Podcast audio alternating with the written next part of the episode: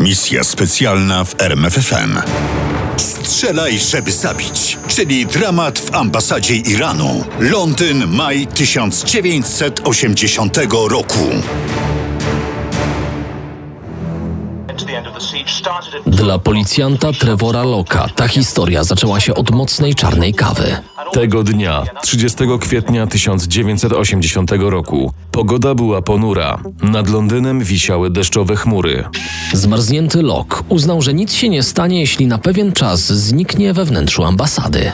Gorąca i gęsta irańska kawa, za którą przepadał, poprawiła mu humor. Siedział w niewielkim pomieszczeniu, cały czas spoglądając na drzwi wejściowe do ambasady. Obok siadł Abbas Falahi, portier. Rozmawiali. Lok opowiadał Irańczykowi o planach na wieczór. Zamierzał zabrać żonę na kolację i do jednego z licznych teatrów West Endu. I wtedy, między jednym a drugim łykiem kawy, w oknie drzwi ambasady pojawiła się czyjaś twarz. To pewnie jakiś student. Pomyślał Trevor Locke. Podniósł się i ruszył ku oszklonym drzwiom. Kiedy podszedł bliżej, zauważył, że rzekomy student trzyma w rękach pistolet maszynowy. Zanim zdążył zareagować, napastnik nacisnął spust. Na Trevora Loka spadł grat małych drobinek szkła. Pamiętam opadającą zasłonę czerwieni i ogromny ból oczu i twarzy. Myślałem, że zostałem postrzelony. Poraniony odłamkami szkła Lok nie widział, jak otworzyły się pchnięte przez napastników drzwi. Nie widział sześciu mężczyzn wbiegających do ambasady. Jedyne, co mógł zrobić w tej chwili, to wcisnąć guzik alarmu w swojej krótkofalówce. Potem poczuł, jak ktoś przykłada mu broń do piersi i ostrożnie otworzył oczy. Przed nim stał młody, niespełna 30-letni Irańczyk z karabinem. Poznał go. To był ten sam człowiek, którego wziął za studenta. Nie miał jednak czasu się przyglądać, bo drugi napastnik kazał mu podnieść ręce do góry i rozpoczął przeszukanie. Trevor Locke w napięciu oczekiwał, aż znajdą jego służbową broń rewolwer Smith Wesson kalibru 38. Ale nie znaleźli. Policjanta i portiera poprowadzono na drugie piętro. W pokoju na podłodze siedziało 24 zakładników. Tworzyli duże koło. W tej grupie znalazł się charge d'affaires ambasady, najwyższy stopniem urzędnik irański pojmany przez terrorystów. Kiedy w chwili ataku usłyszał krzyki i echo broni maszynowej, przestraszony wyskoczył z okna pierwszego piętra. Zwichnął nogę, nie mógł uciec i został złapany. Trevor Locke rozpoznał również dwóch dziennikarzy BBC, Sima Harrisa i Chrisa Kramera, których nie tak dawno wpuszczał do ambasady. Starali się o wizę. Chcieli wyjechać do Teheranu, aby pokazać zmiany, jakie zaszły po rewolucji islamskiej. Ale większość zakładników stanowili Irańczycy, pracownicy ambasady. Portier Abbas Falahi usiadł obok nich. Natomiast dla Loka przygotowano krzesło. Nazwano je tronem królowej Anny. To krzesło stało się symbolem władzy w tym pokoju. Opowiadał potem Locke. Czuł się wyróżniony, ale w negatywnym znaczeniu tego słowa. Przede wszystkim winił samego siebie, że nie pilnował tych drzwi. Powinienem stać na zewnątrz budynku, a nie popijać sobie kawę. Teraz próbował zorientować się w sytuacji i ocenić swoje szanse. Miał przecież pistolet. Pierwsze co odkrył to liczba napastników, zaledwie sześciu. To była dobra wiadomość. Niestety wszyscy byli uzbrojeni w pistolety maszynowe. Zauważył, że mieli również granaty. Czy dam radę zagrać Johna Wayna i powystrzelać wszystkich w zasięgu wzroku? Nie, to nierozsądne. Rozpęta się strzelanina, zginą zakładnicy i ja. A jednak uwierający go pod kurtką pistolet nie dawał mu spokoju. Uważał, że to atut, który może pogrążyć terrorystów albo jego samego. Jeśli terroryści odkryją, że ma broń, mogą go zabić, a kto wie, czy w zemście nie zastrzelą jeszcze kolejnych zakładników. Aby nie zdradzić, że ma broń, nie zdjął płaszcza. Ale to nie wszystko. Postanowił nie jeść. Wycieczki do toalety odbywały się zawsze w towarzystwie uzbrojonego terrorysty. A tam prawdopodobieństwo odkrycia rewolweru no, z wiadomych powodów było bardzo wysokie. Dochodziło południe 30 kwietnia. 26 zakładników z przerażeniem spoglądało na broń maszynową terrorystów. Kiedy zaczną zabijać? Czego chcą? Podobne pytania zadawali sobie policjanci pod budynkiem ambasady. Alarm, który rozesłał krótkofalówką LOK, dotarł do patrolujących Princess Gate policjantów. I w kilka minut po napadzie przed wejściem do ambasady pojawiło się siedmiu funkcjonariuszy ochrony korpusu dyplomatycznego.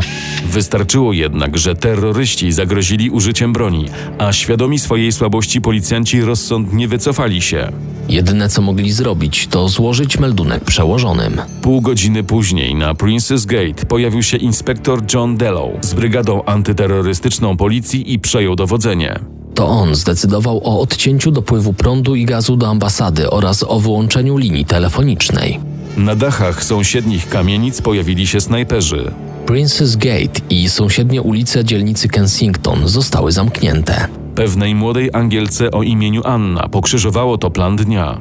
Być może skorzystała z budki telefonicznej, być może wróciła do domu. W każdym razie złapała za telefon i zadzwoniła do narzeczonego. Jestem w centrum Londynu. Nie wiem, co się dzieje, ale jest straszne zamieszanie. Wszystko stanęło, a Kensington roi się od policjantów. Annie nawet przez myśl nie przeszło, że tym jednym telefonem nieświadomie uprzedziła strategiczne decyzje brytyjskiego rządu. Narzeczony, do którego dzwoniła, znajdował się w małej miejscowości Hereford. Był majorem w 22 Pułku Special Air Service. Nazywał się Clive Fairweather. Po krótkiej rozmowie z Anną, major odebrał następny telefon. Słucham. Telefonował Dusty Gray, były komandos SAS i kolega Fairweathera. Cześć Clive, mam newsa, który cię zainteresuje. Mamy w Londynie problem z terrorystami. Major szybko połączył uzyskane od niego informacje z telefonem narzeczonej i doszedł do wniosku, że skoro sparaliżowane jest całe londyńskie City, to sytuacja musi być poważna. Co się działo? Tego major Fairweather nie wiedział. Telewizja i radio milczały. Co robimy? Zapytał dowódcę, pułkownika Michaela Rose, major Fairweather. Rose nie kombinował długo. Mimo, że nikt go nie prosił o pomoc, uznał, że SAS musi działać. Zabieramy zespół i jedziemy do Londynu. Niedługo później 20 komandosów szwadronu SAS zapakowała się do czterech Range Roverów i wyruszyło do Londynu. Mieli do przejechania około 200 kilometrów. Tymczasem w Londynie nadal nie wiedziano, kto wdarł się do ambasady. Nie mieliśmy pojęcia, o co w tym wszystkim chodzi. Przyznał po latach w wywiadzie dla dziennika Guardian minister Richard Hasty Smith. Hasty Smith pracował w rządowym zespole antykryzysowym Cobra. Spotykał się w nim zespół kryzysowy złożony z ekspertów, policjantów, żołnierzy i ministrów. 30 kwietnia kierowanie Kobrą przejął minister spraw wewnętrznych William Whitelaw. Ale tak naprawdę decyzja należała do pani premier Margaret Thatcher. Na razie, czyli w pierwszym dniu kryzysu, polecono policji dowiedzieć się, kto zamknął się w ambasadzie i jakie ma żądania. Do akcji weszli negocjatorzy i nawiązano kontakt przez telefon polowy. Okazało się, że terroryści pochodzą z Iranu i są przeciwnikami Ajatollaha Khomeiniego. Żądali autonomii dla Arabistanu, przyklejonej do Zatoki Perskiej prowincji na południu Iranu. Zwolnienia z więzień 91 więźniów politycznych i samolotu, którym zamierzali uciec z Wielkiej Brytanii. Z negocjatorem rozmawiał szef terrorystów Ali Mohammed, znany jako Salim. Czekam na decyzję do jutra do południa. Potem zacznę zabijać zakładników. Gdy te żądania dotarły do Kobry, zespół kryzysowy zdecydował się włączyć do akcji komandosów SAS. Ktoś wyszedł z gabinetu, żeby w imieniu pani premier zadzwonić do Hereford. Major Fairweather odebrał kolejny tego dnia telefon. Szykujcie się, potrzebujemy was w Londynie. Pani premier pyta, kiedy możemy się was spodziewać. Już tam jesteśmy. Odpowiedział major. Komandosi SAS zatrzymali się w koszarach Regent's Park, niedaleko ambasady. Natomiast dowódca, pułkownik Mike Rose, pofatygował się do sztabu na rozmowę z inspektorem Johnem Dellow. Po czym faktycznie przejął dowodzenie. Przygotowaliśmy atak techniczny. Założyliśmy kamery i urządzenia podsłuchowe, tak że wiedzieliśmy o wszystkim, co się dzieje na terenie ambasady. Opowiadał komandos SAS Pete Winner w 20 odcinku serialu wyprodukowanego dla Discovery. Miniaturowe kamery, o których mówił Winner, umieszczono w ścianach. W tym celu trzeba było wywiercić dziury. Ponieważ hurgot wierteł zwróciłby uwagę terrorystów, trzeba je było jakoś zagłuszyć. Poproszono, a właściwie nakazano firmie British Gas rozpocząć prace remontowe na sąsiedniej ulicy. Sprowadzono sprzęt i w huku maszyn zerwano asfalt. Zanim jednak przystąpiono do dalszych prac, terroryści nabrali podejrzeń. Salim wszczął alarm, zażądał zaprzestania robót i zagroził, że w razie odmowy zacznie zabijać zakładników. Kiedy słowa Salima dotarły do Kobry, wydano rozkaz zatrzymania robót. Czymś jednak trzeba było zagłuszyć łoskot wierteł. Wybrano inny, lecz równie skuteczny sposób. Zmieniono trasę samolotów lądujących na lotnisku Heathrow tak, aby przelatywały nad budynkiem ambasady. W międzyczasie policja przyprowadziła dozorcę pracującego w ambasadzie. Tego dnia miał wolne. Kiedy przyszli po niego policjanci, odpoczywał w domu. Frontowe wejście wzmocniono stalowymi drzwiami antywłamaniowymi, a w oknach parteru i pierwszego piętra zamontowano szyby pancerne. Po tych informacjach pułkownik Rose wykreślił z notatnika najłatwiejszy wariant ataku przez okna parteru i drzwi wejściowe. Plan szturmu trzeba było układać od początku. Z archiwum miejskiego dostarczono plany budynku ambasady. To według nich komandosi SAS uczyli się układu pokoi i gabinetów na każdej kondygnacji. Musieli zapamiętać najdrobniejsze szczegóły, na przykład rozmieszczenie drzwi i okien. Poznawaliśmy rozkład wszystkich pokoi. Wszystko było wymierzone, więc przy pomocy białej taśmy odtworzyliśmy kontury na podłodze. Opowiadał Winner. A potem w zwolnionym tempie ćwiczyli krok po kroku całą sekwencję ataku. Trening trwał tak długo, aż zapamiętali każdy szczegół operacji i mogli działać instynktownie. Wszyscy komandosi SAS znali swoje zadania, ale również zadania kolegów. W tym czasie, kiedy SAS dopracowywał warianty ataku, trwały negocjacje. Negocjatorom udało się uzyskać zwolnienie kilku zakładników. Już pierwszego dnia, mniej więcej wtedy, gdy SAS gnał do Londynu, Salim zgodził się wypuścić kobietę. Zakładnicy przekonali go, że kobieta jest w ciąży. Następnego dnia, 1 maja, ambasadę opuścił chory dziennikarz Chris Kramer. To on przekazał policji nowe informacje o terrorystach. Jest ich e, sześciu, mają czeskie pistolety maszynowe i granaty, ale najważniejsze jest to, że nie mają ładunków wybuchowych. To była jedyna pozytywna wiadomość tego dnia. Pułkownik Rose przestał obawiać się rozsadzenia budynku w chwili szturmu. Kryzys jednak nadal trwał. Zbliżało się południe. Groźba zabicia pierwszego zakładnika nadal była realna. Tymczasem Ajatollah Khomeini nie dał zgody na wypuszczenie więźniów politycznych i wykluczył autonomię Arabistanu, co zresztą było do przewidzenia. Na koniec stwierdził, że sprawą uwolnienia zakładników powinna zająć się Wielka Brytania. 2 maja wieczorem BBC nadało manifest terrorystów. A ponieważ Salim był niezadowolony z jakości technicznej nagrania, powtórzono je jeszcze raz następnego dnia. Ale zanim do tego doszło, dyrektor BBC w zamian zażądał wypuszczenia dwóch zakładników. Wyszli sekretarz ambasady i pakistański turysta. Ten drugi został wytypowany przez zakładników, ponieważ głośno chrapał. Nadeszła niedziela, 4 maja. Piąty dzień terroryści i zakładnicy siedzieli zamknięci w ambasadzie i Salim zaczynał tracić cierpliwość. Ajatollah zignorował jego żądania. Również wezwani na pośredników ambasadorowie krajów arabskich nie wykazali zainteresowania prowadzeniem negocjacji. Wydawało się, że akcja Salima i jego grupy terrorystów z Demokratycznego Rewolucyjnego Frontu Wyzwolenia Arabistanu zakończy się porażką. A w jego przypadku oznaczało to długoletnie więzienie. Salim nie wiedział, co dzieje się na zewnątrz. Nawet przez myśl mu nie przeszło, że poluje na niego SAS. Nie wiedział o podsłuchu w ścianach, o przygotowanych ładunkach wybuchowych i linach przytroczonych do kominów na dachu kamienicy przez komandosów. Nie wiedział, że SAS może zacząć atak w każdej chwili. Ale SAS zwlekał. Komandosi czekali na rezultat pracy negocjatorów. Mieli nadzieję, że im się nie powiedzie. Nie chcieliśmy, aby negocjatorzy odnieśli sukces. Ostatecznie chcieliśmy tam wejść i wykonać swoją robotę. Mówiący te słowa komandos SAS nie przypuszczał, jaką cenę przyjdzie zapłacić za spełnienie tego życzenia. W poniedziałek 5 maja Salim stracił cierpliwość. Zażądał spotkania z jakimkolwiek ambasadorem arabskiego kraju. Czekam 45 minut. Potem zaczynam zabijać zakładników. Nie doczekał się. Za kwadrans druga terroryści wyprowadzili z pokoju Abasa Lawasaniego, atasze prasowego ambasady. Nic nie zrobiłem. Mam do siebie o to żal. Miałem broń, powinienem jej użyć i spróbować go ocalić. Tak bardzo chciałem coś zrobić, ale w końcu nie zrobiłem nic. Z dołu z parteru doleciało do policjanta Loka i pozostałych zakładników echo trzech strzałów. Bałem się, że po zabiciu pierwszego zakładnika będą zabijać następnych. Dlaczego nie miałbym to być ja? Pytał retorycznie Sim Harris, dziennikarz BBC. Zabójstwo zakładnika diametralnie zmieniło sytuację. terroryści przekroczyli czerwoną linię. Szansa na negocjacje została zerwana. Teraz miała przemówić broń.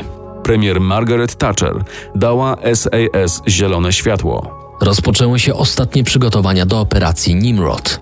Jej celem było uwolnienie zakładników i wyeliminowanie terrorystów. Komandosi założyli kamizelki kuloodporne, kominiarki i maski przeciwgazowe. Przygotowali ładunki wybuchowe robione z tłoczonego papieru.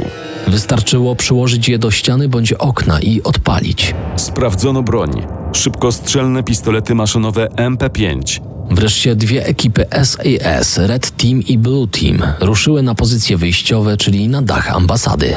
Kazano im działać według brutalnej zasady: strzelaj, żeby zabić. O 19.25 dostaliśmy hasło London Bridge. Mogliśmy ruszać do akcji. Pierwsza grupa czterech komandosów Red Team zeskoczyła na linach z dachu na tył budynku. W tym czasie druga czwórka wrzuciła granat ogłuszający przez świetlik w dachu. Zanim wybuchł, dwie kolejne czwórki komandosów zsunęły się po linach od frontowej strony kamienicy i wylądowały na balkonach pierwszego piętra. Ale nie wszystko poszło zgodnie z planem. Jeden z komandosów zaplątał się w linę. Drugi, próbując mu pomóc, wybił butem szybę. Brzęk tłuczonej szyby zaalarmował Salima, który w pokoju obok rozmawiał z negocjatorami. Rzucił słuchawką i pobiegł sprawdzić, co się dzieje. W momencie ataku Trevor Locke znajdował się obok Salima. Kiedy terrorysta pobiegł do pokoju obok, policjant ruszył za nim. Będąc jeszcze na progu, zobaczyli w oknie sylwetkę komandosa SAS. Terrorysta złożył się do strzału, ale Locke zareagował błyskawicznie. Skoczył na Salima, przewrócił go, spod kurtki wyszarpał pistolet i przyłożył go Salimowi do głowy. To twoja wina, draniu! Krzyknął. Chciał zabić Salima, ale się opanował i wtedy usłyszał swoje imię. Trevor! Trevor, odsuń się! Puść go! Skąd on zna moje imię? Zastanawiał się policjant i szybko odsunął się na bok. Komandos już był w pokoju i strzelił do Salima. W ciągu sekundy opróżnił pół magazynka. Salim, a właściwie Ali Mohamed, zginął na miejscu. W tym czasie z za ściany dobiegł odgłos eksplozji. Dziennikarz BBC Sim Harris schował się w kącie pokoju i nakrył rękami głowę. Kiedy huk wybuchu minął, ostrożnie podniósł głowę i spojrzał w stronę okna. Pancerne szyby wyleciały w powietrze. W oknie pojawiły się sylwetki komandosów. Trzech od razu zniknęło za drzwiami w korytarzu. Czwarty pomógł Harrisowi wyjść na balkon i kazał mu uciekać po balkonach do sąsiedniej kamienicy. Harris posłuchał, o czym mogli się przekonać telewidzowie w całej Wielkiej Brytanii, ponieważ akcję odbicia zakładników transmitowało BBC. Tymczasem czteroosobowe zespoły SAS, w sumie 28 komandosów, przeszukiwało wszystkie kondygnacje ambasady, parter, piwnice, piętra. Lecz pomimo błyskawicznego tempa nie obeszło się bez ofiar. Dwaj terroryści pilnujący zakładników w pokoju na drugim piętrze zaczęło strzelać. Ranili dwóch ludzi, jednego zabili. Co było potem? Świadkowie, czyli zakładnicy, twierdzą, że zdołali przekonać terrorystów, by się poddali. Warto przeżyć, nie umierać, tłumaczyli. Przez okno wyleciały pistolety maszynowe. Pojawiła się biała flaga, co widać było w transmisji BBC. Wtedy do pokoju wpadli komandosi. Zobaczyli ludzi siedzących pod ścianą oraz leżące na podłodze zwłoki. Gdzie bandyci? Takiego określenia użył komandos SAS. Wskazano dwóch. Zaraz wywleczono ich na środek pokoju i zabito. Rozkazy, tempo akcji, napięcie i świadomość niebezpieczeństwa wymusiły tę brutalną bezwzględność. Kiedy wpadliśmy do budynku, wiedziałem, że terroryści są bez szans. Hałas był straszliwy. Wokół strzały i kłęby dymu, krzyki i wrzaski istny dom wariatów. Mówił Winner. A jednak mimo chaosu udało się zebrać ocalonych zakładników w grupę i pod osłoną komandosów odesłać na dziedziniec ambasady. Z zamieszania skorzystało dwóch terrorystów. Próbowali ukryć się wśród swoich ofiar. Jednego udało się rozpoznać. Kiedy mnie mijał, zauważyłem, że ma w ręku granat. Nie mogłem strzelać, bo był zbyt blisko. Kule przeszłyby przez ciało i poleciały dalej. Obróciłem pistolet maszynowy i uderzyłem go kolbą w kark. Gdy upadł, wszyscy otworzyli ogień. Zabity terrorysta miał w ciele 76 kul. Akcja odbicia ambasady trwała 17 minut. Terroryści zabili jednego zakładnika i poważnie zranili dwóch. Komandosi SAS zabili pięciu terrorystów, ale i ten ostatni wpadł im w ręce. Rozpoznał go i zidentyfikował Sim Harris z BBC. kiedy opadł kurz po bitwie. Do koszar Regent's Park, gdzie odpoczywali komandosi, pofatygowała się pani premier Margaret Thatcher w towarzystwie kilku ministrów z zespołu Cobra. Stan podniecenia był czymś, czego nigdy w życiu nie widziałem. Wspominał Hasty Smith. Byli jak stado psów. Powietrze było gęste od testosteronu. Ale premier Thatcher dobrze się czuła w tym towarzystwie. Panowie, nie ma nic słodszego od sukcesu i wam się to udało. Komandosi zaczęli wiwatować. Toasty wznoszono piwem prosto z puszek, bo nikomu nie chciało się szukać szklanek. O Thatcher zapomniano, więc się przypomniała. Nie została wam jakaś puszka piwa? Została, więc ją poczęstowano. Wypiła całe. Jedyny ocalały terrorysta, Fawzi Nejad, został skazany na dożywocie. Ale w 2005 roku uznano, że jest gotowy wyjść na wolność. Wyszedł w 2008 roku po 27 latach więzienia, mimo pisemnego sprzeciwu Trevora Locke'a. Trevora Locke'a uhonorowano medalem Jerzego. Ale nic nie ucieszyło go tak bardzo jak powrót do żony. Był zmęczony i głodny. Kiedy odpoczął, przypomniał sobie o romantycznej kolacji z małżonką i teatrach West Endu. Misja specjalna w RMFFM. Na tropie największych tajemnic historii.